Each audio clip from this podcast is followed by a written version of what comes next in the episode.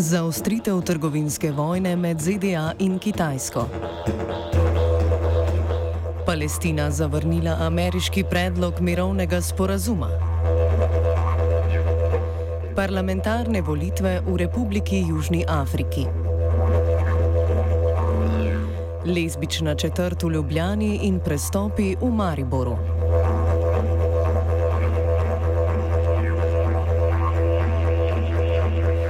Trgovinska vojna med ZDA in Kitajsko se je ponovno zaostrila, ko je po neuspelih pogajanjih ameriški predsednik Donald Trump zvišal davke na uvoz kitajskih blag v skupni vrednosti 200 milijard dolarjev letno, sedanjih 10 odstotkov na 25 odstotkov.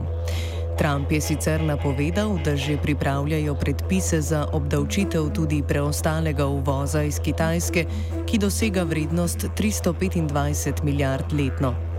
Kitajska je že napovedala povračilne ukrepe, ne pa tudi, kakšni natančno bodo.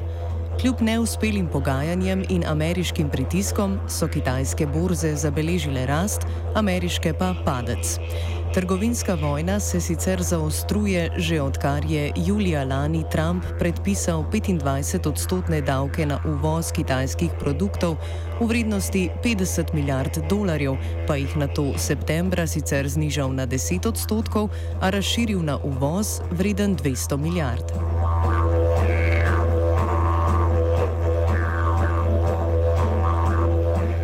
Za mednarodne napetosti pa ZDA skrbijo tudi na Bližnjem vzhodu.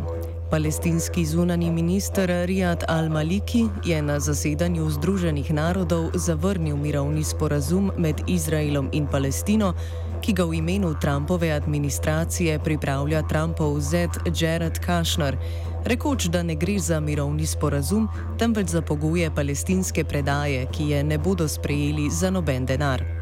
Za zdaj je znano, da dokument, ki ga Kašner, sicer ameriški jud, namerava objaviti junija, med drugim priznava Jeruzalem za prestolnico Izraela. Spomnimo, da je pred manj kot dvema tednoma tesen zaveznik ZDA in Izraela, prestolonaslednik Saudove Arabije, Mohamed bin Salman, palestinskemu predsedniku Mahmudu Abbasu ponudil 10 milijard ameriških dolarjev, da bi sprejel Kašnarjev mirovni sporazum. Abbas je ponudbo zavrnil.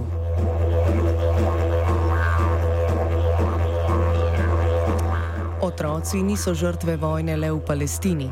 Nigerijska provladna milica, civilna skupna delovna skupina, ki se na severovzhodu Nigerije skupaj z redno nigerijsko vojsko bojuje proti islamistični skupini Boko Haram, je iz svojih vrst odpustila 894 otroških vojakov, od tega več kot 100 deklic.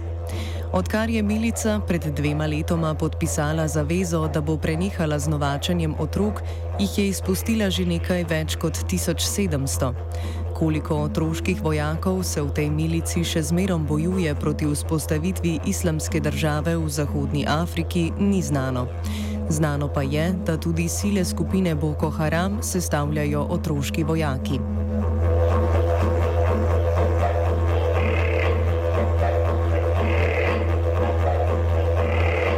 Selimo se južneje. Na parlamentarnih volitvah v Republiki Južni Afriki je stranka Afriški nacionalni kongres, sodeč po neuradnih rezultatih, s 57 odstotki glasov slavila prepričljivo agrenko zmago.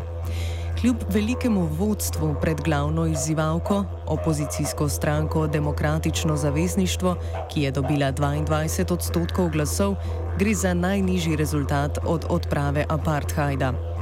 Afriški nacionalni kongres, nekdaj stranka Nelsona Mandele, ki jo še zmerom vodijo prvoborci proti apartheidu, je prvič v svoji zgodovini dobila manj kot 60 odstotkov. Zaupanje voljivcev izgublja predvsem zaradi korupcijskih škandalov ter visoke stopnje brezposelnosti v državi, ki jo vodi zadnjih 25 let. Oba, če bom odgovoril na angliški.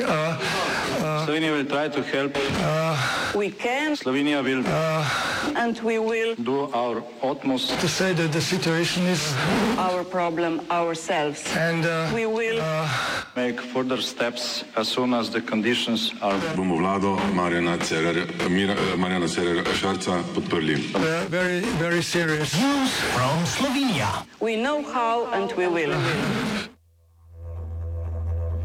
Forum 21, natančneje Milan Kučan in evropski poslanec Ivo Weigl, danes v Mestnem muzeju Ljubljana gosti nekdanjega katalonskega predsednika Carlesa Puigdemona. Javni pogovor z njim je del njegove volilne kampanje, saj se bo kljub prvotni prepovedi španskega sodišča na prihajajočih volitvah potegoval za mesto evropskega poslanca. Ustavno sodišče v Madridu je prepoved namreč v ponedeljek razveljavilo. Puč demona španske oblasti vidijo kot demona puča, saj je eden vodilnih glasov za odcepitev Katalonije in pobudnik referenduma o odcepitvi Katalonije oktobra 2017. Oblasti v Madridu so zato njega in njegovo vlado odstavile in ga obtožile upora. Za razliko od drugih 12 katalonskih separatističnih voditeljev pa mu ne sodijo.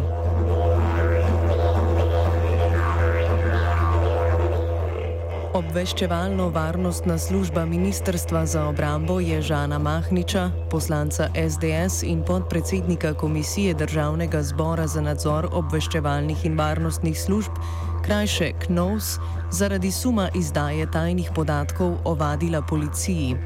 Čeprav podrobnosti še niso znane, se ovadba najverjetneje nanaša na navedbe, ki jih je Mahnič izrekel po seji KNOVSA o zaslišanih vojakov, ki jih je minister Karel Erjavec naročil obveščevalno-varnostni službi zaradi preiskave ravnanj tedanjega poveljnika poveljstva sil slovenske vojske Mihe Škrebinca ter si s tem prislužil napoved interpelacije.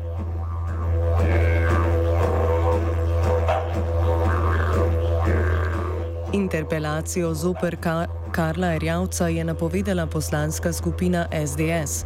Pričakovati gre, da jo bo vložila danes.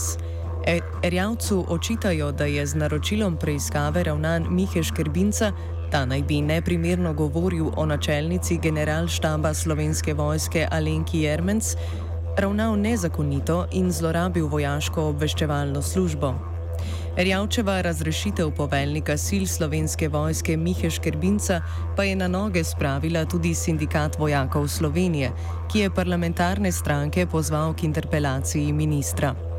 Ministrstvo za obrambo meni, da je sindikat s tem prekoračil okvire svojega delovanja, zaradi česar mu je že odpovedalo pogodbo o zagotavljanju pogojev za delovanje. OF je pripravil Mort.